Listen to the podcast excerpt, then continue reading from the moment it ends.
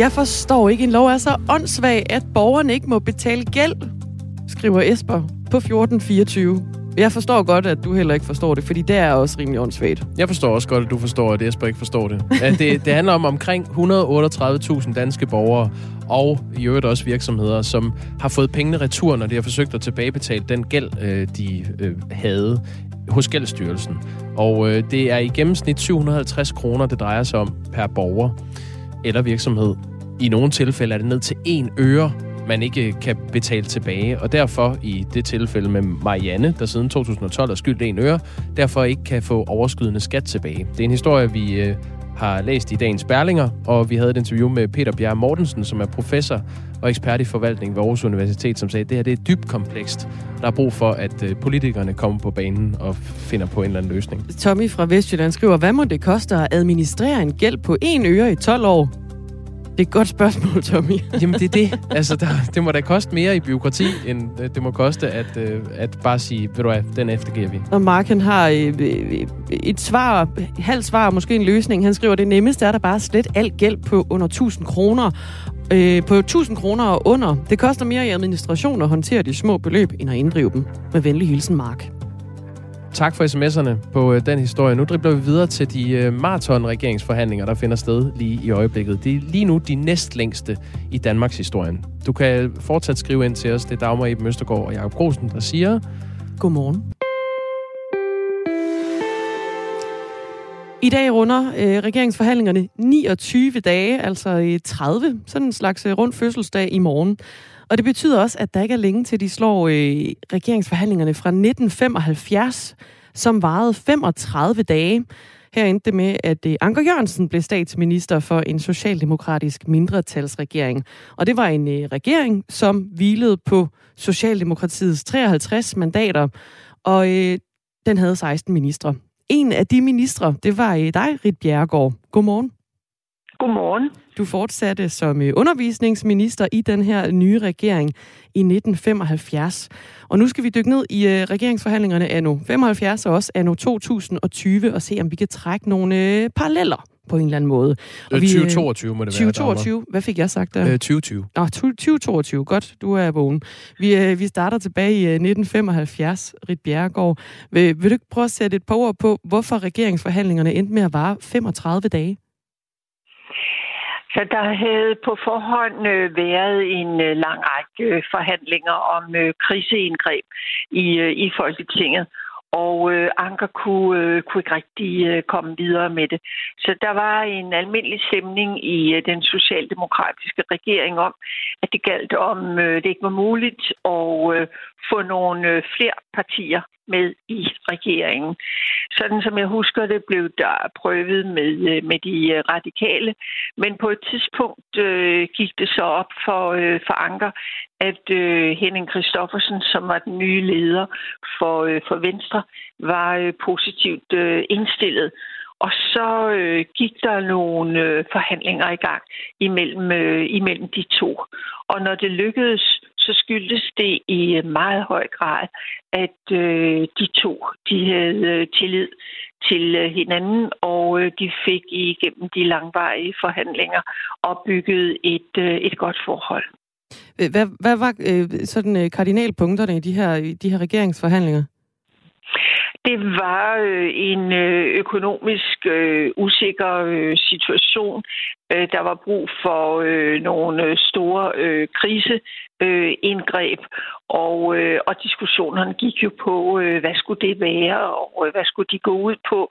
Og da man fandt ud af, at der var en interesse for at øh, finde nogle, øh, nogle fælles øh, holdninger, så var det klart, at så blev de andre ministerområder også øh, inddraget. Men det var i SB-regeringens tid, at man blandt andet fik øh, vedtaget øh, efterlønsordningen. Øh, der var også en udligningsordning i, øh, i kommunerne og et ganske stort øh, boligudspil, så det var klart, at øh, forhandlingerne førte til nogle konstruktive løsninger. Men, men SV-regeringen kom jo først øh, i 1978, ret mig hvis jeg tager fejl, men i øh, 1975, der var der jo øh, fire dronningerunder i, øh, i regeringsforhandlingerne. Det var øh, først var det øh, Karl Skytte fra Radikale, som forsøgte sig. Opdraget var, at det skulle forhandles en bred øh, flertalsregering hjem. Øh, så blev det Anker Jørgensens tur fra Socialdemokratiet. Han skulle også drænde en bred flertalsregering, men gav op efter øh, få dage ifølge information. Så blev det så øh, Paul Hartling fra Venstre, som forsøgte at danne en borgerlig regering. Øh, han sprang fra i sidste øjeblik, fordi han øh, frygtede, at Fremskridtspartiet ville vælte regeringen. Øh, og så gik ledelsen af forhandlingerne tilbage til Anker Jørgensen, og det blev til den her mindretalsregering med 53 øh, socialdemokratiske mandater. I de gangværende regeringsforhandlinger, Rit Bjergård, der er vi trods alt kun øh, stadig i gang med med den første dronningerunde, og ikke de fire, som man så tilbage i 1975. Øh, hvor ser du lighedstegn mellem øh, forhandlingerne dengang og dem, som Mette Frederiksen hun sidder for bordenden af i dag? Ja, lad mig starte med, med forskellene, som jo er mm. åbenlyse. Det hænger jo meget på, at i dag der er der et, øh, et valgresultat, som, øh, som gør, at øh, det ligesom ikke er rigtigt til at se et stærkt, et stærkt blå regering, og det er heller ikke til at se en stærk rød mm. regering. Så hvis man skal have nogen vejene, så må man altså i gang med det, mange har snakket om øh, hen over øh, valget, at øh, man skal ind over øh, midten. Dengang øh, var det mere et forsøg på at se, hvem, hvem kunne egentlig øh, samle øh, tilstrækkelige øh, flertal, og der var det jo øh, meget øh, stort øh, spørgsmål om, øh, om Fremskridtspartiet, øh, fordi rent faktisk øh, var der jo dannet en, øh, en regering med, øh, med Venstre og de øh, konservative, som øh, de så ikke kunne øh, realisere, fordi øh, Gistrup ikke ville give øh, grønt lys. Hvordan spår du chancerne egentlig øh, for, at det øh, modsat i 75 kan ende med en bred flertalsregering med S og V sammen i år? Altså, jeg anser det for, øh, for rimelig øh, sandsynligt, men øh, jeg tror ikke, man skal være ked af, at øh, de bruger så, øh, så lang tid øh, på det, fordi når man tænker på, hvad ikke mindst øh, Jacob Ellemann øh, har sagt om øh, Mette Frederiksen, så er det jo klart, at de to skal finde ud af, kan vi have tillid til hinanden? Kan vi sidde i en øh, regering sammen, eller kommer vi bare til at, at videreføre øh, nogle af de, øh, kan man sige, udfald, som øh, havde været øh, i, øh, i valgkampen. Så de skal bruge tid på at snakke sig ind på hinanden. De skal bruge tid på at snakke konkrete lovforslag og skattesænkninger. Hvordan skal det være? Og det er mere blå politik end rød politik. Men kan man finde nogle måder at gøre det på, hvor begge partier vil være tilfredse med det? Og der, der har jo været talt rigtig meget om netop tilliden mellem øh, Mette Frederiksen og Jakob Ellemann Jensen, både øh, under valgkampen og også her efter øh, valget er overstået. De skal jo skabe den her tillid øh, til hinanden, som du taler om, hvis de skal lykkes med at lave en, øh, en regering sammen. Hvordan bygger man sådan en, en tillid op? Det tror jeg netop, man gør øh, ved at øh, sidde i, øh, i timevis øh, og, øh, og diskutere det igennem. Prøve at finde ud af, hvordan, øh, hvordan forholder man sig til hinanden. Er der en forståelse for, at, øh, at noget er vigtigt? Øh, eller er der bare en afvisning, hvor man siger, at det der, det kan I godt glemme. Det bliver der aldrig noget øh, ud af. Så opbygger man jo ikke nogen, øh, nogen tillid. Og derfor øh, tror jeg ikke, at øh, danskerne skal være kede af, at det tager lang tid. Det, det er klogt øh, at bruge øh, godt med tid, før man øh, etablerer sådan en øh, regering. Og så skal de jo også ende med at finde ud af, om de vil have flere partier med. Mm. Ja, der øh, hvad hedder det, øh, er jo stadigvæk øh, en hel række partier med i, i regeringsforhandlingerne, udover selvfølgelig Socialdemokratiet og, og Venstre. Med det politiske landskab, som ligger i dag, tror du så på, at de her regeringsforhandlinger øh, der nu har rundet 29 dage, de slår rekorden på de 35 dage fra 1975? Ja, ja, det vil jeg anse for sandsynligt, og jeg synes heller ikke, man skal være spor bekymret over det. Man skal bare give dem den tid, de har brug for. Det er meget værd, at øh, man finder ud af så meget som muligt, frem for når man først sidder, for når man først er i regering, så vælter det jo ind med øh, forslag, der skal tage stilling til, at der skal lægges frem osv. Så, så det gælder om at bruge den her øh, rolige periode til at tale sig ind på hinanden. Sådan øh, lød det fra Rit Bjergård. Du skal have tak, fordi du var med i Radio 4 morgen. Ja, velbekomme. Forhenværende minister jo blandt andet i regeringen efter de historisk lange regeringsforhandlinger tilbage i 1975. Klokken er 15,5 minutter over 8. Skal vi ikke lige øh, mellemlande på en lille øh, fun fact om kalenderlys? Jo, tak. Ja, øh, hvorfor er der så langt ned til 1. december på kalenderlyset? Det har været en gåde i mange danske hjem i mange år. Altså det der med, at man 1. december tænder sit kalenderlys, og så tænker man, øh, så i morgen, så brænder jeg bare nummer to. Men når man så er kommet til 2. december, så har man ikke brændt ned over det et-tal endnu.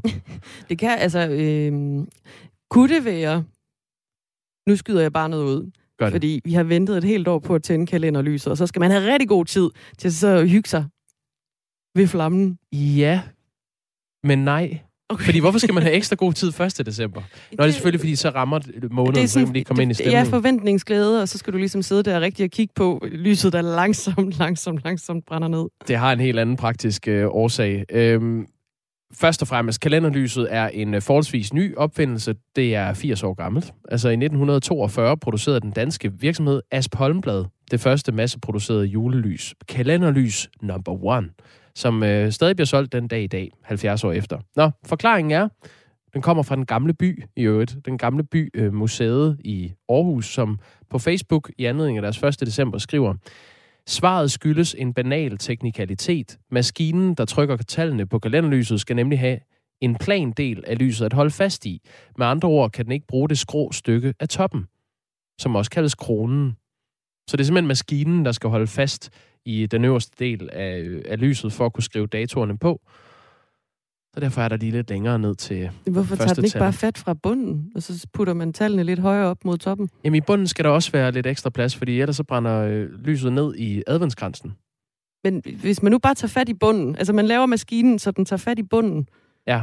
og kun bunden, så kan den jo godt skrive helt op til toppen. Jamen så bliver der ekstra langt i bunden så er der plads til en ekstra stor juledekoration. Og du har ret, Dagmar. Det, det kan da godt være, at As Pollenblad lige skulle have et heads up på den. Øh, eller man kunne selvfølgelig også bare lave, lave øh, kalenderlyset flat. Altså, så det ikke har en skrå top. Så kan man jo godt holde, så kan maskinen godt holde fast. Ja. Ved du hvad, det, øh, det, det må være en åben brainstorm. Det er i hvert fald derfor. Om ikke andet, nu skal du ikke gå og bryde dit hoved med, hvorfor der er så langt ned til 1. december længere. Ja, og hvorfor du Den ikke er kommet til 2. december. Selvom vi har 2. december i dag.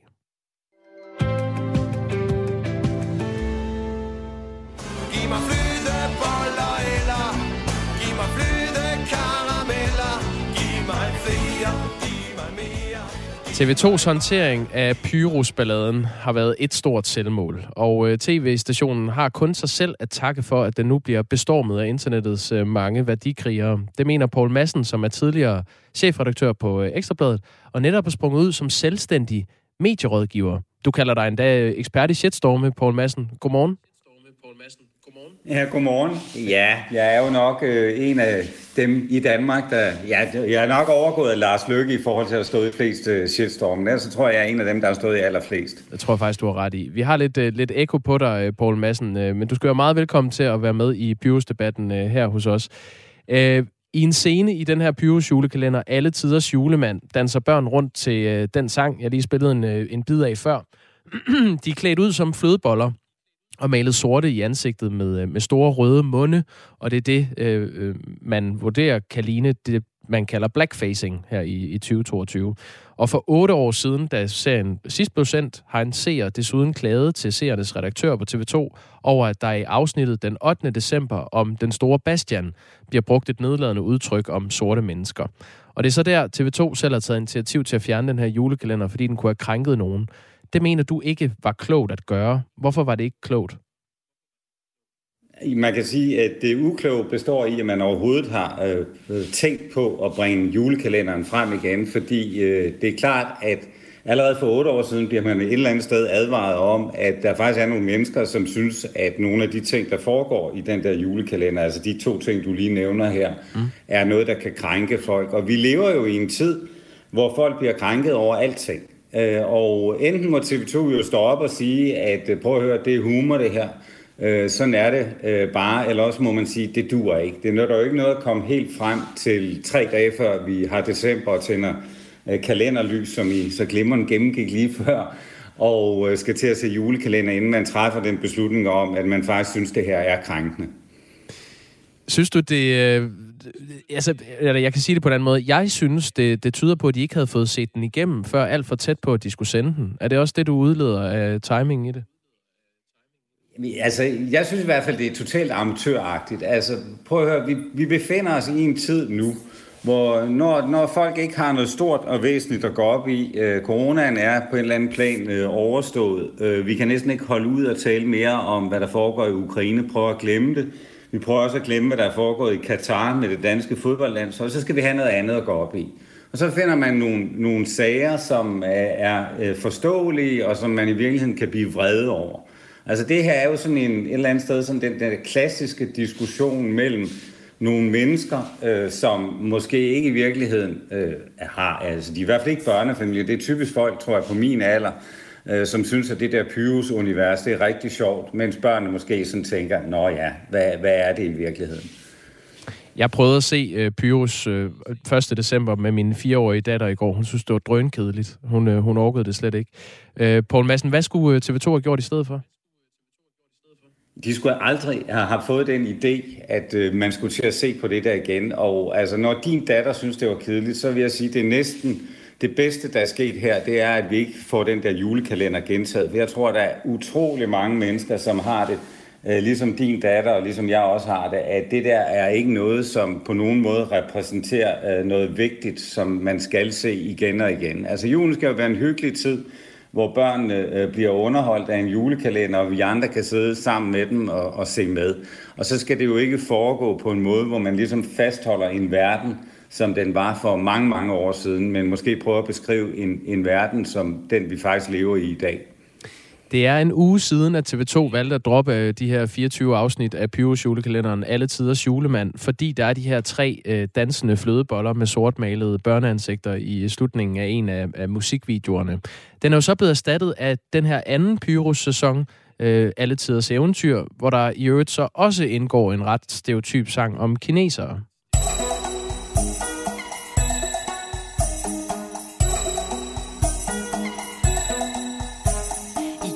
Siger de pengeling, hver gang at de får ris. En flagstang er en lang tynd ting, det læste jeg i min værling.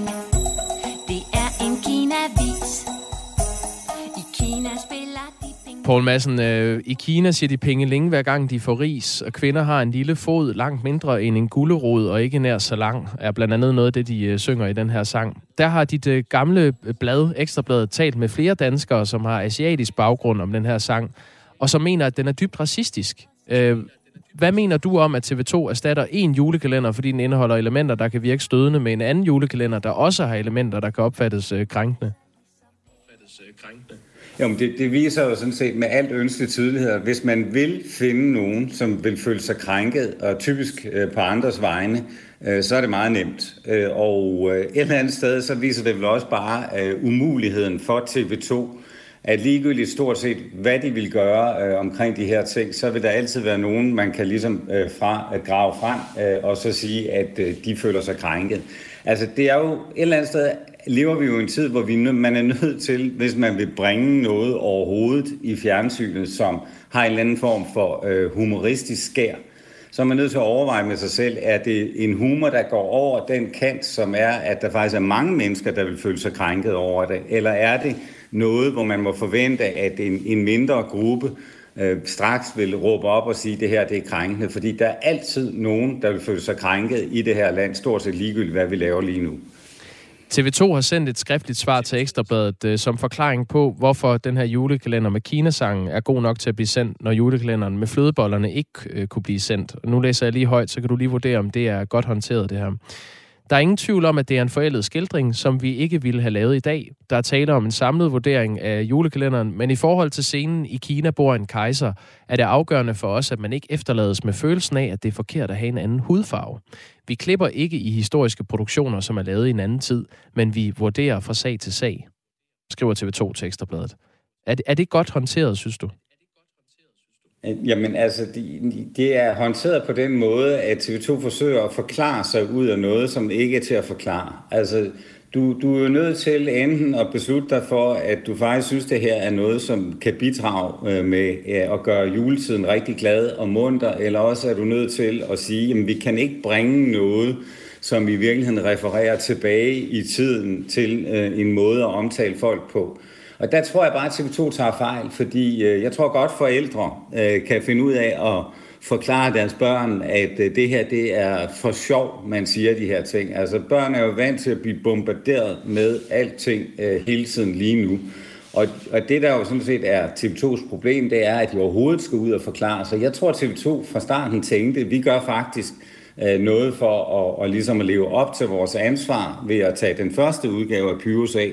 Og så kommer der en anden udgave. Ups, der var så også lige noget, som nogen kunne føle sig krænket over. Så må man ud og forklare sig igen. Og det bliver på en eller anden måde umuligt. Det, det er jo også spørgsmålet, hvor stor en rolle vi som medier spiller. Altså, værdidebatter af den her øh, karakter har før fyldt meget på øh, sociale medier, blandt andet. Nogle vil nok huske debatten om ispinden, som er bedst kendt under navnet Kæmpe Eskimo. Det var tilbage i 2020. Vi har også diskuteret øh, lyserøde perler og makeup, make-up, der er blevet kaldt hudfarvet, øh, cirkelkaffes ikoniske logo med en sort kvinde i profil, øh, man har diskuteret stereotyp udklædning til faste lavn osv. Poul Madsen, da du var chefredaktør på Ekstrabladet, der var du også med til at høste en masse klik og Facebook-trafik på den her type øh, debat. Nu var du ude af den del af mediebranchen, så kan det være, du vil svare ærligt på det her spørgsmål. Hvis den havde kørt på Ekstrabladets hjemmeside, måske det varmblodede øh, forum, der hedder Nationen, vil du så ikke være glad for det, altså hvis øh, folk debatterede sådan noget som det her? Nej, altså jeg, jeg vil være glad, hvis folk debatterer noget, som er vigtigt og væsentligt. Altså det, jeg tror, man skal forstå omkring den her udvikling, det er, at øh, for 5-10 år siden skulle medierne sådan ligesom puste lidt til øh, de debatter, som måske var i gang, og man havde travlt med at referere om, at der foregik en eller anden stor debat øh, på et socialt medie, typisk Facebook. I dag, der foregår de debatter hele tiden. Altså, nu har vi diskuteret TV2 i en uge, og vi kommer til at diskutere andre øh, lignende ting her øh, de næste dage. Da det opstår fuldstændig af sig selv. Altså, der er sådan et eller andet sted, er der måske sådan en opsparet vrede derude, som gør, at folk øh, kaster sig over den her øh, type debatter, fordi det er meget nemmere at forstå sådan en debat her, end at prøve at sætte sig ind i, hvad der egentlig foregår, øh, for eksempel ude i verden. Det skal lige siges, at vi øh, her på Radio 4 øh, har beskæftiget os en del med Pyrosgate, men øh, vi forsøger journalistisk at belyse den fra alle sider. Vi har talt med et af de børn, der var klædt ud som flødeboller. Det var en dengang 8-årig dreng ved navn Niklas. Han er voksen i dag, og han er ret paf over, at det endte med en shitstorm 25 år senere. Lad os lige høre, hvad det er, han siger. Synes sgu lidt, jeg, synes, jeg må indrømme, jeg synes, det er gået lidt over gevind, det hele. Øhm, det er som om, man bare leder efter nogle ting for at, for at grave dybere i det, ikke? Altså, altså det var jo ikke meningen, at øh, vi skulle være nære som sådan. Øh, vi var jo bare flødeboller. Ja, det siger øh, øh flødebollen Niklas, som i dag er et voksen menneske. Poul Madsen, lige her til sidst. Øh, er det, er det, som du ser det, er det medieomtalen, der holder sådan en gryde i kog, eller er det øh, dårlig håndtering fra TV2's side? Jamen, det synes jeg er en kombination. Altså, TV2 puster hele tiden selv til ilden, øh, fordi de virkelig er i gang med at gøre tingene værre, hver eneste gang de siger noget. Og så er der jo, altså så må man jo også bare indrømme, at der er et opsparet øh, glæde ved øh, at, at gå ind i den her type debatter, både på de sociale medier og også fra de traditionelle mediers øh, side. Så det er sådan en, en øh, vi plejer at tale om, at vi havde agurketid om sommeren. Nu kan vi så tale om, at vi har måske øh, juleknæstid, at det er lidt det samme, at vi skal have en eller anden øh, juledebat. Altså vi har jo også talt om de her tinkahuer, som øh, i en uendelighed, som er udsolgt, og man har prøvet at få nok nye af dem hjem. Altså, jeg tror, man skal vende sig til, at der kommer, undskyld mig, en række ligegyldige debatter øh, omkring juletid også. Jamen, øh, glædelig julekrænkelse, Poul Madsen. ja, i lige måde. Tak skal du have. Øh, og tak for din medvirken. Altså, øh, selverklæret shitstorms-ekspert og nybagt øh, selvstændig kommunikationsrådgiver, tidligere chefredaktør på Ekstrabladet, Poul Madsen. TV2 har ikke haft mulighed for at deltage i dag, og det er trods øh, gentagende forsøg fra vores side, kan vi sige. Det er så latterligt. Det eneste sang viser er, hvor lidt vi vidste om kineserne dengang. Intet andet. Gid folk blive krænket over latterlige ting, flyttet ud på en ø. Nu er klokken halv ni. Vi skal have nogle nyheder fra den store verden.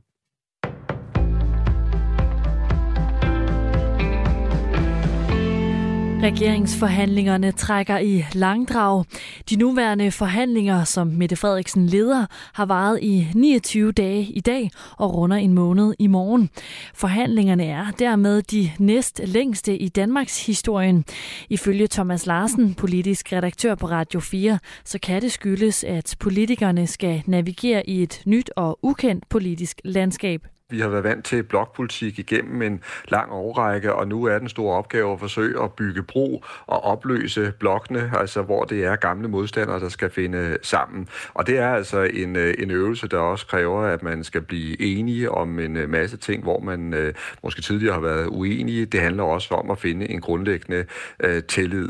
Og de længste regeringsforhandlinger varede 35 dage tilbage i 1975. Antallet af langtidsledige blev ved med at falde i oktober.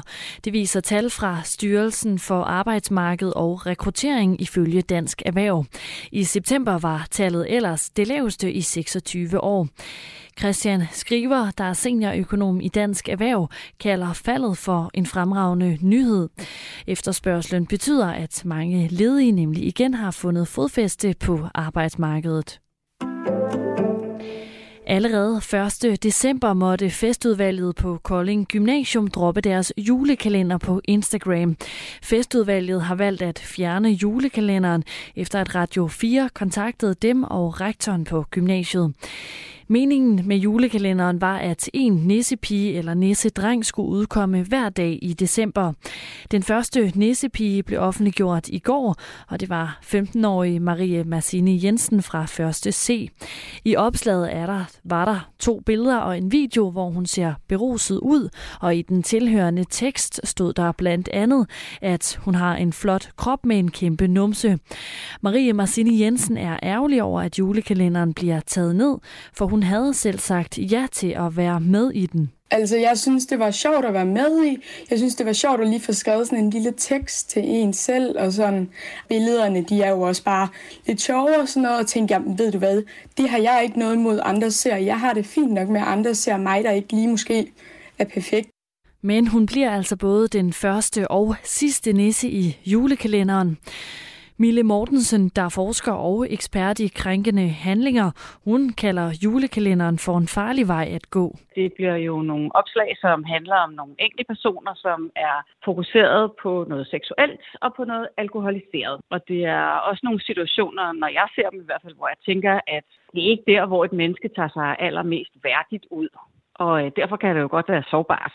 Så at blive eksponeret på den måde i den type af situationer, mm, tænker jeg ikke nødvendigvis er så positivt. Der er en smule længere mellem huse, ejerlejligheder og sommerhuse med, med til salg skilte i dag, end der har været i lang tid. Mens udbuddet på det danske boligmarked længere er gået opad, så er det i halvdelen af kommunerne mere eller mindre stagneret den seneste måned, og i nogle kommuner endda faldet. Det viser tal fra boligsiden. Og spørger man Birgitte Dates, der er boligøkonom og kommunikationsdirektør hos Boligsiden, så hænger det sammen med tidens økonomiske udfordringer. Vi får en dag, der bliver skyet og med enkelte byer. Temperatur omkring 4 graders varme. En svag til jævn vind fra nordøst ved kysterne. Stedvis frisk vind. Det var nyhederne her på Radio 4.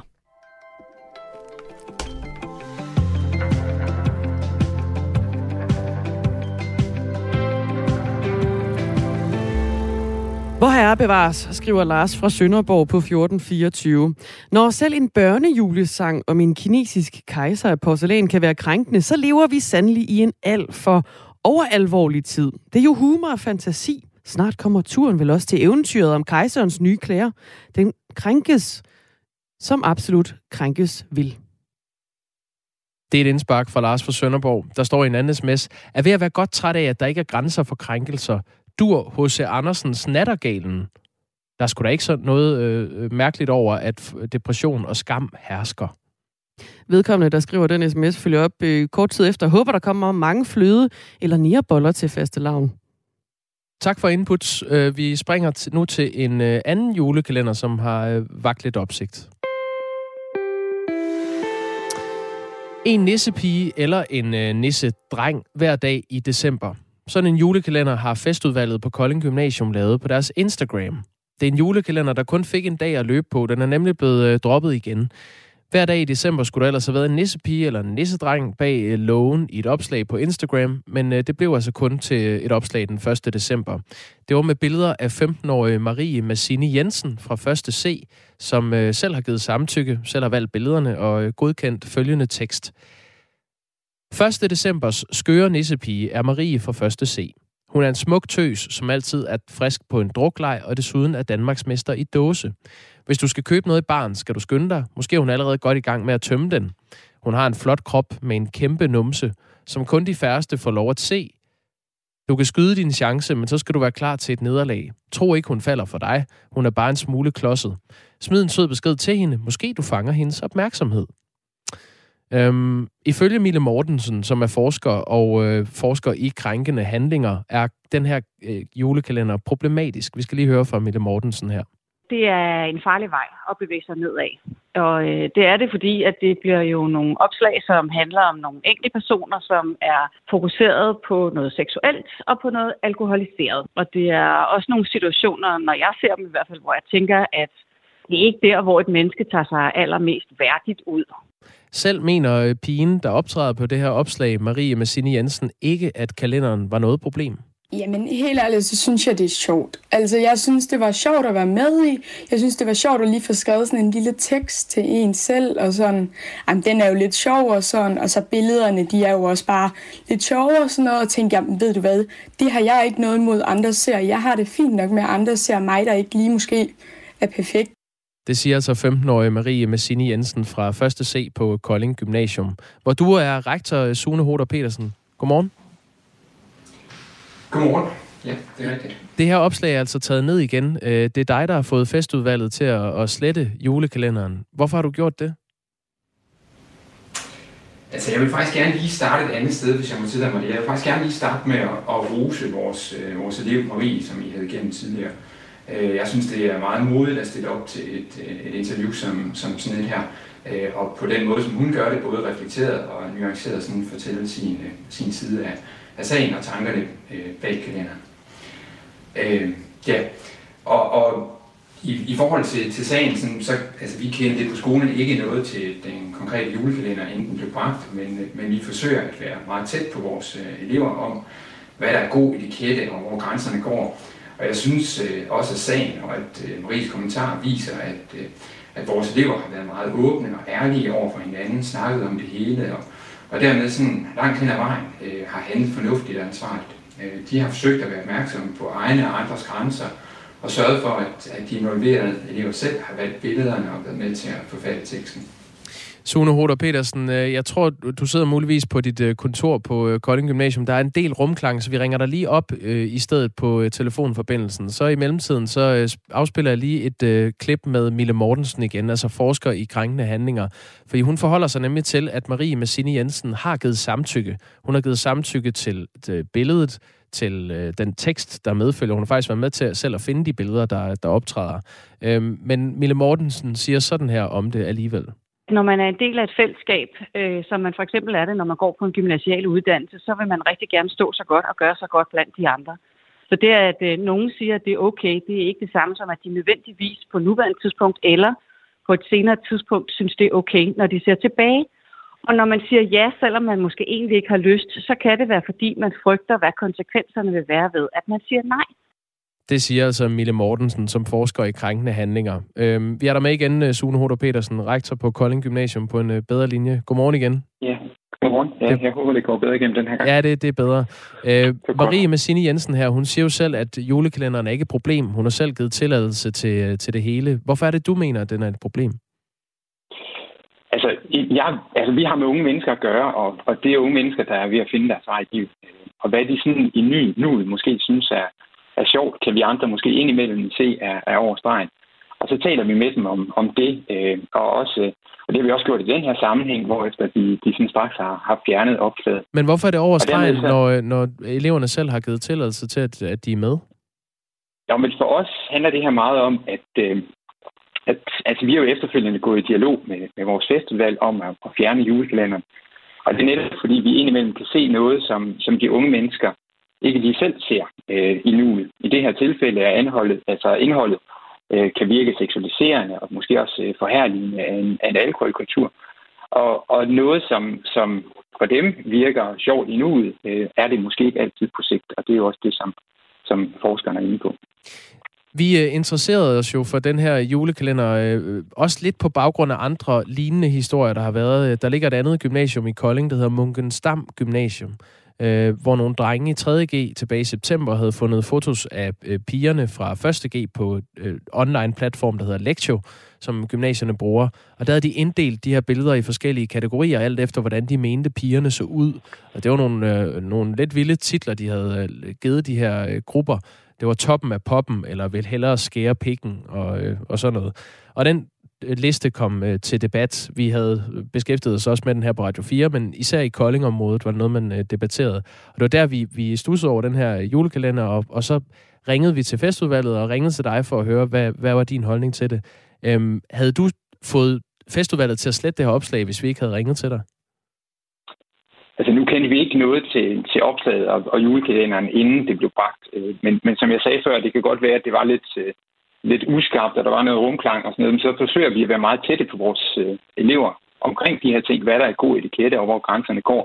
Og det synes jeg faktisk også, at, at sagen viser, og at, at uh, Maries kommentar viser, at de har fået snakket med hinanden om det hele, og langt hen ad vejen uh, sådan handlet ansvarligt og fornuftigt uh, i den her sammenhæng. Men hun synes uh, faktisk så... ikke, at det er et problem. Hun, hun fortæller også, at de andre i festudvalget synes, det var ret sjovt. Så hvad er det, der gør uh, i en gymnasiekultur, at man ikke kan få lov til at have sådan en julekalender? Nå, men det er jo som jeg sagde før, at, at vi jo nogle gange som, som voksne kan se nogle ting, som de unge ikke lige selv ser. Øh, I det her tilfælde også som jeg sagde før, at, at noget kan virke i den her sammenhæng seksualiserende, øh, forhærligt af en, af en alkoholkultur. Og at, at noget, der for dem måske virker sjovt i nuet, øh, der kan vi andre måske se, at det her, det er det måske ikke øh, på sigt. Der har på øh, Kolding Gymnasium i flere år været tradition for, øh, for kalender øh, ala denne i, i juletiden. Øhm, er det noget, I vil sikre ikke kommer til at ske igen nu, eller hvordan øh, stiller I jer i forhold til det? Altså, meget bekendt har der ikke været øh, kalender øh, på dem. Vi har haft øh, kalender, og vi har været i dialog med vores øh, elever om det. Øh, om, om I har fundet noget, hvor der er noget, der kan virke øh, seksualiserende og, og sådan øh, forhærligende af en alkoholkultur, det, det skal jeg ikke kunne sige. Men, men, øh, men, men det, ja, altså, det er noget, vi er i meget tæt dialog med dem om, og det er klart, at, at der sker også noget med tiden, og vi retter os også ind efterhånden, som tiden går. Det er klart. Kommer det til at have nogle konsekvenser? Nej, det, altså, hvad, altså du tænker sanktioner og sådan nogle ting og sager i den her sammenhæng. Ja. Eller hvad? Ja, altså det er jo sådan, at, at øh, vi skal, når vi, vi har en studieordensbekendtgørelse, som vi skal forholde os til, øh, og den skal vi, øh, den skal vi sanktionere efter, hvis, hvis der er noget med, med sådan undervisningsmiljøet på skolen, som, som, som på en eller anden måde lyder last. Og, og jeg synes faktisk, at de elever, har, altså, som, som I jo også har talt med, har været meget åbne og ærlige over for hinanden. De har snakket tingene igennem, ikke? De har faktisk forsøgt at, fundet, at finde egne og andres grænser og agere derefter, og på den måde talt om tingene, inden de har ligesom øh, gjort noget. Nu har de så gjort noget, og vi har taget en snak med dem efterfølgende og, og bragt et nyt perspektiv ind i den her sag. Og det har de jo så ageret prompte på.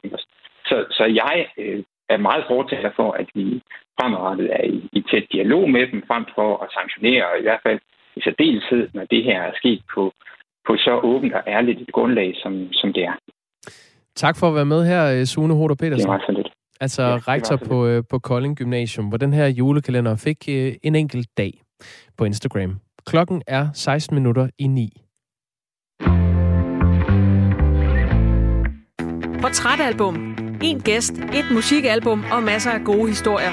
Jeg har ikke været til nogen fester, hvor at der ikke bliver spillet et nummer, der har været på en Absolute Music CD. Vært Anders Bøtter dykker ned i tiden, musikken og de minder, det sætter i gang hos gæsten. Hvorfor tror du lige, at det er The River, der har fulgt dig igennem livet? The River definerede mig som uh, ung mand. Lyt til Portrætalbum i dag fra 17 til 19. Radio 4 taler med Danmark. Klokken er kvart i ni. 600.000 boliger skal øh, gå fra olie- eller gasfyr og så over til grønnere alternativer.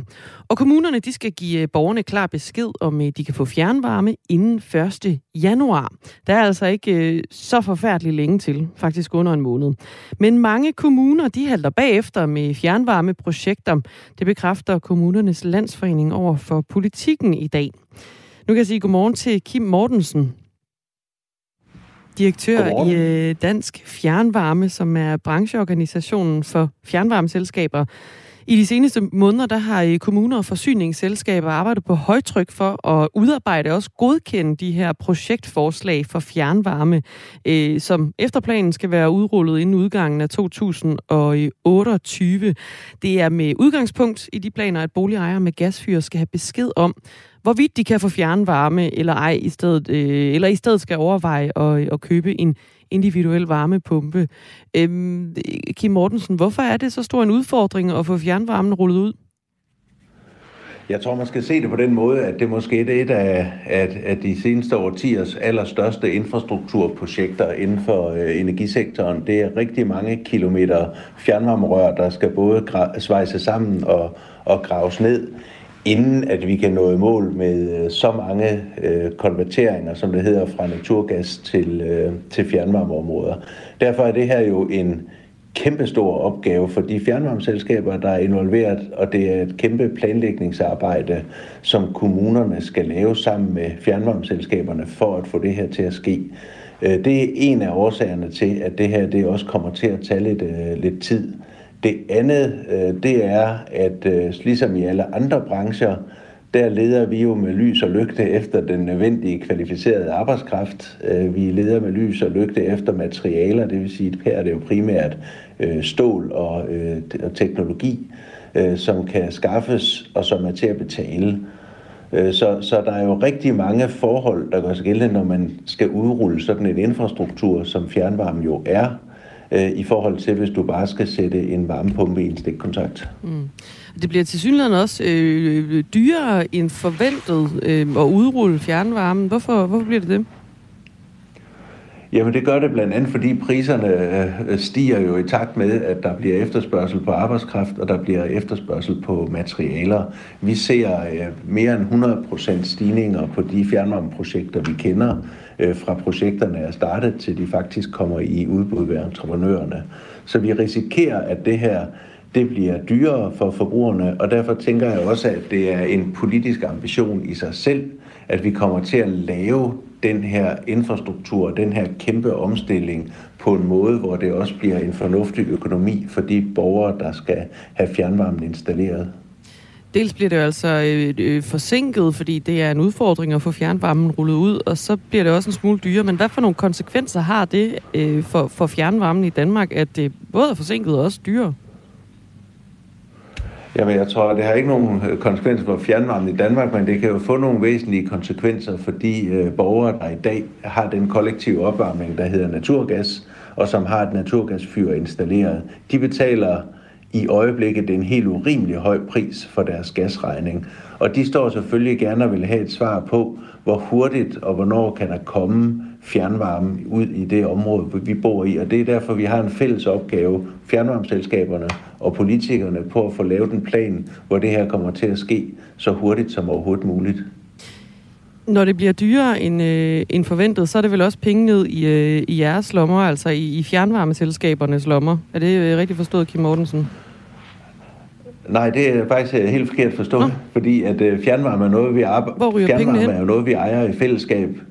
I, fjernvarmeselskaber, de er jo ejet af forbrugerne, så det er jo forbrugerne, der ejer fjernvarmeselskaberne, enten øh, direkte som andelsselskaber eller via de kommunale selskaber. Og i fjernvarmen, der er det sådan, at vi regulerer det efter det, der hedder et hvile i sig selv. Så der kan ikke spares penge op i et fjernvarmeselskab. De penge de kommer tilbage til, til forbrugerne igen i form af billigere varme. Øh, så, så, så her er der jo alene en interesse for de eksisterende fjernvarmeselskaber og dermed forbrugerne, at den risiko og den kæmpe investering, og her snakker vi jo investeringer på op mod 50 milliarder kroner, det er, at der kommer en, øh, den nødvendige sikkerhed for de her investeringer, så det ikke er de eksisterende forbrugere, der løber risikoen. Det er sådan, man skal vende det rundt. Mm. Der er jo lidt over 400.000 boliger, som bliver varmet op med gasfyr, og så er der knap 200.000, som bliver varmet op med, med oliefyr. Øhm, kommunerne de kan ikke sende et brev ud til borgerne lige nu, som de jo ellers har fået besked på af regeringen, fordi fjernvarmeprojekterne bliver øh, forsinket og dyrere, og dermed så kan øh, kommunerne ikke sende sådan et, et, et konkret tilbud ud til borgerne, og der er jo ellers en deadline, der hedder den 1. januar. Så hvordan skal det her problem løses, ser du, Kim Mortensen? At det, det er ikke rigtigt, at det er øh, fjernvarmeselskaberne, der skal løse det. Det er rigtigt, det er, at det er kommunerne, der skal lave en varmeplanlægning for hele kommunen. Og her i den varmeplanlægning skal det jo så fremgå, hvorfor nogle områder er der økonomi, og forventer vi, at der kommer fjernvarme ud. Der er nogle kommuner, der har været tidligere i gang med det her. De er jo stort set færdige med det. Så er der nogle kommuner, der af andre årsager er kommet senere i gang med det. Og det er nogle af de øh, steder, hvor det kommer til at, øh, at knibe lidt med at få det øh, brev ud i en form, så, så borgerne kan få et svar. Jeg ved, at kommunerne arbejder på højtryk med det, og det skal de selvfølgelig gøre i samarbejde med fjernvarmeselskaberne. Jeg tror, at de fleste kommuner, de også når inden nytår at sende det her brev ud til borgerne. Okay, du tror på, at, øh, at det rent faktisk lykkedes inden 1. januar? Jeg tror, at langt de fleste kommuner, de når i mål med at få lavet varmeplanlægningen færdig. Øh, det, det tror jeg. Men det betyder jo ikke, at øh, borgerne får fjernvarme næste år, eller næste år igen alle steder. Der vil være nogle steder, hvor ventetiden den vil være mellem 3 og 5, øh, måske øh, lidt længere i, i nogle områder. Og det, og det er jo hele det arbejde, der kommer til at pågå øh, fra, fra nytår og frem. Det var jo meningen, at det skulle være udrullet inden udgangen af 2028. Hvornår ser du, at, at øh, fjernvarmen er udrullet? Jamen, jeg tror, vi når meget af det inden 2028, men det er klart, at der vil være nogle områder. Der er jo hele byer, som for eksempel Holbæk, øh, Dragør, Skelskør, øh, vi kan nævne nogle flere, hvor, hvor der skal laves et helt nyt øh, fjernvarmenet. Og de steder, der kan man jo ikke nå, nå hele vejen rundt øh, i løbet af så kort en øh, tidsperiode. Så nogle steder vil det komme til at tage øh, lidt længere tid. Der er nok at se til, Kim Mortensen. Tak fordi du var med direktør i Dansk Fjernvarme, en brancheorganisation for fjernvarmeselskaber. Nogen, der også har nok at se til, det er PostNord, vores allesammens øh, pakkepostservice og brevpost i øvrigt. Ja. Øhm, jeg går her på tredje dag og venter en øh, levering af en pakke fra PostNord, som de siden i forgårs har sagt vil blive leveret i, i dag. Ja, okay. Det er sagt hver dag.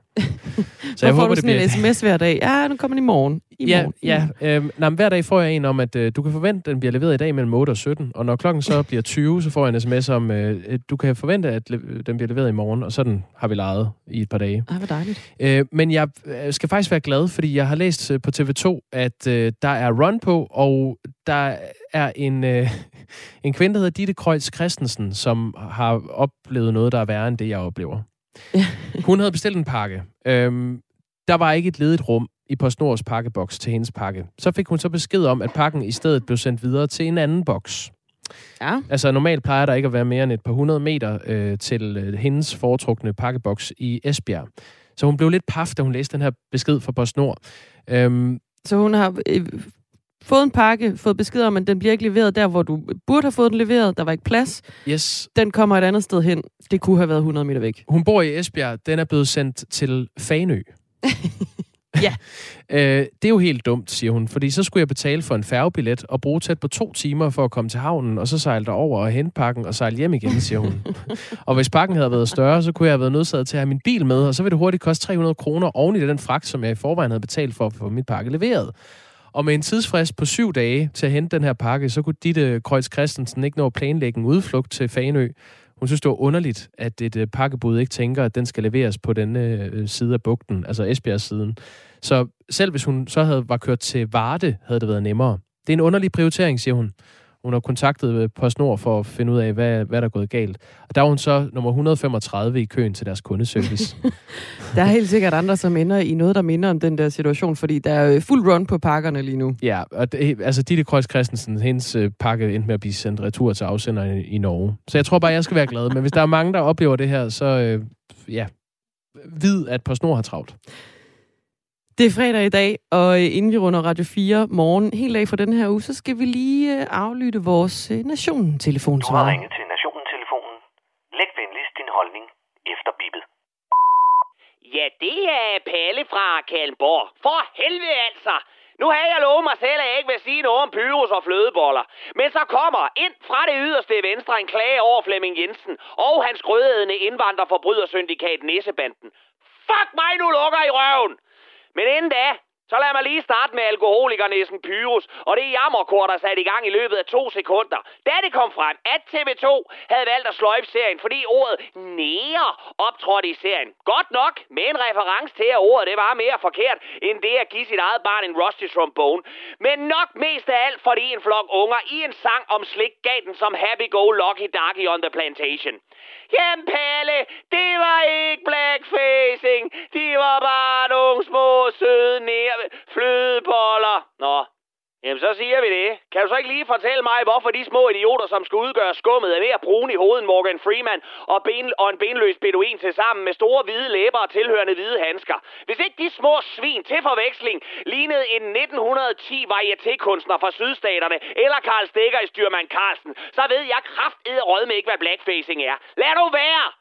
Lad nu være med at spille mere dum end Jim Lyngvild en sen nattetime uden søvn, der efter et migræneanfald får lyst til at lave en video til de sociale medier. Jamen Palle, jeg kan altså kun se flødeboller. Nej, Nej, du kan ikke. Din kridhvide nissegroupie. Du kan sagtens se, hvad de kortbenede spangsbær prospects ligner. Og fordi du, Lisi Pedersen, i din lænestol iført leggings fra Bilka og en skål flæskesvær på fissedellerne, ikke bliver ked af det, så er det jo ikke ens betydende med, at andre med en alternativ pigmentering ikke gør det. Vel? Er nu bare en rigtig flødebold. Og indrøm, at TV2 for 25 år siden, sammen med Martin Miranar, synes, at det kunne være pænt grineren at lave nærbolddans rundt om en spritstiv næse. Men spørgsmålet er jo for fanden, hvad man vil med det. Hvad vil modstanderne med kritikken? Og hvad vil de, som forsvarer lortet med deres hyleri på de sociale medier? Hvad vil I? Hvad fanden er det, I vil? Udover at grave røfterne dybere, er det virkelig en mavesuger støjet fra Kalamborg, der skal løse lortet for jer og bede TV2 om at genudsende lortet. Enten med en disclaimer for at forberede børn og voksne på, at der lige om lidt vil komme en julekalender så ubegribelig voldsom og racistisk, at man må formode, at den er instrueret af Leni Riefenstahl og betalt med guldtænder fra døde jøder. Eller også, så klipper du bare Pyrus og Jackson 5 ud af lortet og erstatter den med en af de andre ulideligt mange og pisse dårlige numre, som agerer fyld i den i forvejen handlingsmættede julekalender. Men lad være med at sidestille TV2 og dem, som godt kan lide Pyrus med savlende psykopater, som straks efter flødeboller får lyst til at sætte en brændende kors op i baghaven hos Bavalia Sørensen, eller bede Wafande om at sætte sig bagerst i bussen. Det er lige så pisse dumt, som at stemme på Inger Støjberg og tro, at det giver mening. Og nu, Flemming Jensen og banden Loyal to Lunde. For God Aften Danmark. Valgte at have en mening om nissebandeteaterforestillingen ude på bakken, som er så racistisk, fordi nogle børn har en orakker på og ikke kommer fra Grønland i virkeligheden. Det hele det blev anført af en woke pjuskid med isbjørnklør om halsen, der skulle symbolisere og verificere, at han nu også var en ægte grønlandsk hykler, som aldrig havde set Jensens forestilling, eller vidste noget som helst om, hvor meget Flemming Jensen taler grønlandsk, elsker Grønland, bidrager til Grønland, har bygget bro til Grønland, skrevet om Grønland, filmet i Grønland, talt om Grønland, har haft familie i Grønland, og basically er så inuitifilsk, som man overhovedet kan være. Er Jensens grønlænderbørn i forestillingen lige så stereotype som flødebollerne? Ja, det kan du bede dig selv i tuvilakken på. Er Jensen en racistisk kolonist, der avler det grønlandske ud af børn og tvinger en halv liter vodka i svælget på den lokale fanger? Nej. Jeg tror, nej. Jeg ved, at der sidder mange blegfede hvide dunke i det her land, og for den sags skyld i resten af verden, og er pissetrætte af altid at blive mødt med den formodning om, at vi personligt har hentet sorte slaver til vores respektive lande, og at vi alle har deltaget i udrensningsprogrammer, og kun kender de brune mennesker, som gør rent hos os, eller laver vores lokale og pivringe pizza. At vi alle som udgangspunkt altid vil ikke vide det ondt, og at vi bare er født røvnederen i vores sjæl, fordi nogle stjernpsykopatiske forfædre valgte at behandle resten af verden som deres lokumspapir. Fuck jer! Yeah. Fuck jer og jeres stereotype opfattelse af alle os, som kraft rød med dårligt nok tør at sige, at det bedste ved en Oreo er den hvide creme. Og det, dit sølle lille individ, det var Grand Wizard Palle fra Kallenborg. Du kan høre meget mere fra Palle fra Kalundborg i specialklassen her på Radio 4 hver lørdag kl. 20. Du kan også finde det i Radio 4's app, naturligvis. Vi siger øh, tak for i dag her på øh, Radio 4 morgen, og om fem minutter er der ring til Radio 4. Klokken er 9.